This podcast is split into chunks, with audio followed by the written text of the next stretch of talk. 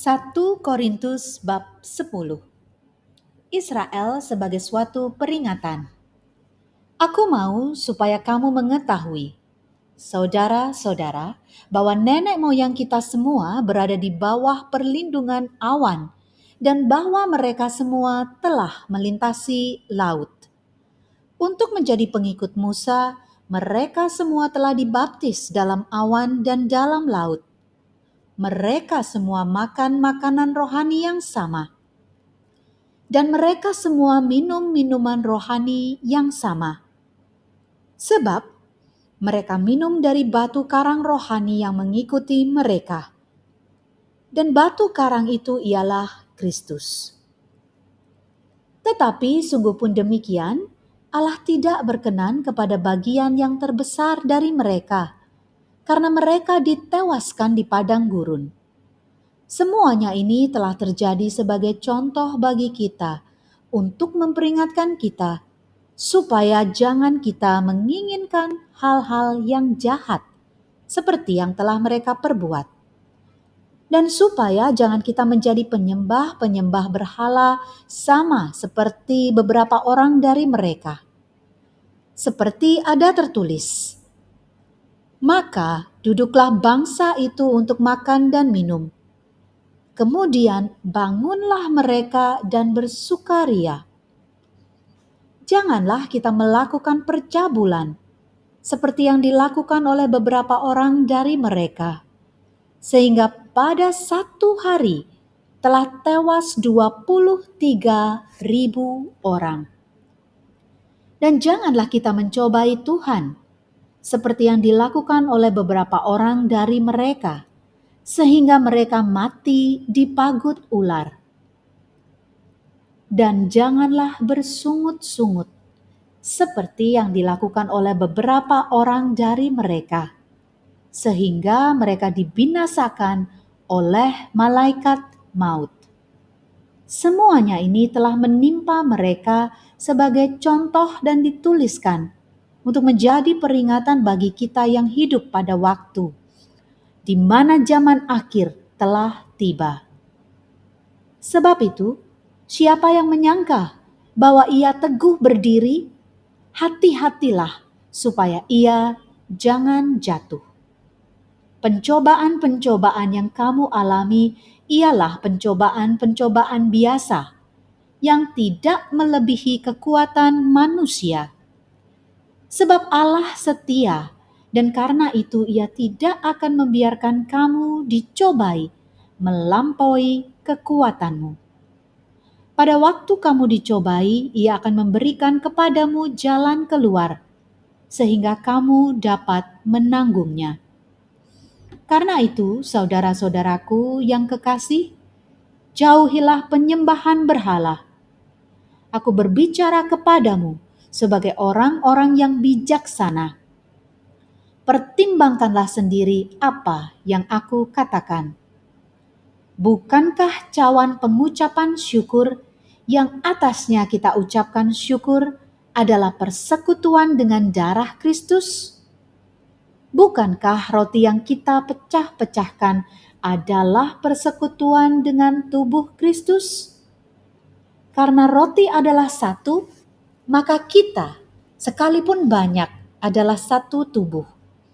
Karena kita semua mendapat bagian dalam roti yang satu itu. Perhatikanlah bangsa Israel menurut daging. Bukankah mereka yang makan apa yang dipersembahkan mendapat bagian dalam pelayanan mesbah?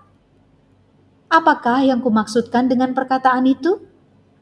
Bahwa persembahan berhala adalah sesuatu atau bahwa berhala adalah sesuatu. Bukan. Apa yang kumaksudkan ialah bahwa persembahan mereka adalah persembahan kepada roh-roh jahat, bukan kepada Allah. Dan aku tidak mau bahwa kamu bersekutu dengan roh-roh jahat. Kamu tidak dapat minum dari cawan Tuhan dan juga dari cawan roh-roh jahat kamu tidak dapat mendapat bagian dalam perjamuan Tuhan dan juga dalam perjamuan roh-roh jahat. Atau maukah kita membangkitkan cemburu Tuhan? Apakah kita lebih kuat daripada Dia? Segala sesuatu diperbolehkan. Benar, tetapi bukan segala sesuatu berguna. Segala sesuatu diperbolehkan, benar, tetapi bukan segala sesuatu membangun. Jangan seorang pun yang mencari keuntungannya sendiri, tetapi hendaklah tiap-tiap orang mencari keuntungan orang lain. Kamu boleh makan segala sesuatu yang dijual di pasar daging tanpa mengadakan pemeriksaan karena keberatan-keberatan hati nurani. Karena bumi serta segala isinya adalah milik Tuhan. Kalau kamu diundang makan oleh seorang yang tidak percaya dan undangan itu kamu terima, makanlah apa saja yang dihidangkan kepadamu tanpa mengadakan pemeriksaan karena keberatan-keberatan hati nurani. Tetapi kalau seorang berkata kepadamu, "Itu persembahan berhala, janganlah engkau memakannya." Oleh karena dia yang mengatakan hal itu kepadamu dan karena keberatan-keberatan hati nurani. Yang aku maksudkan dengan keberatan-keberatan bukanlah keberatan-keberatan hati nuranimu sendiri, tetapi keberatan-keberatan hati nurani orang lain itu Mungkin ada orang yang berkata, "Mengapa kebebasanku harus ditentukan oleh keberatan-keberatan hati nurani orang lain?"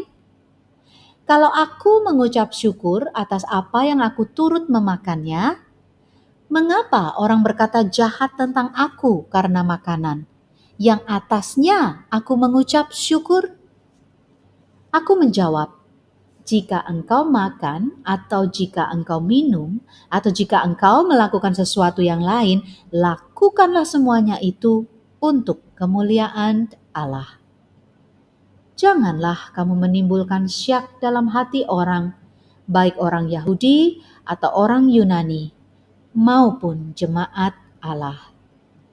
Sama seperti aku juga berusaha menyenangkan hati semua orang dalam segala hal bukan untuk kepentingan diriku, tetapi untuk kepentingan orang banyak, supaya mereka beroleh selamat.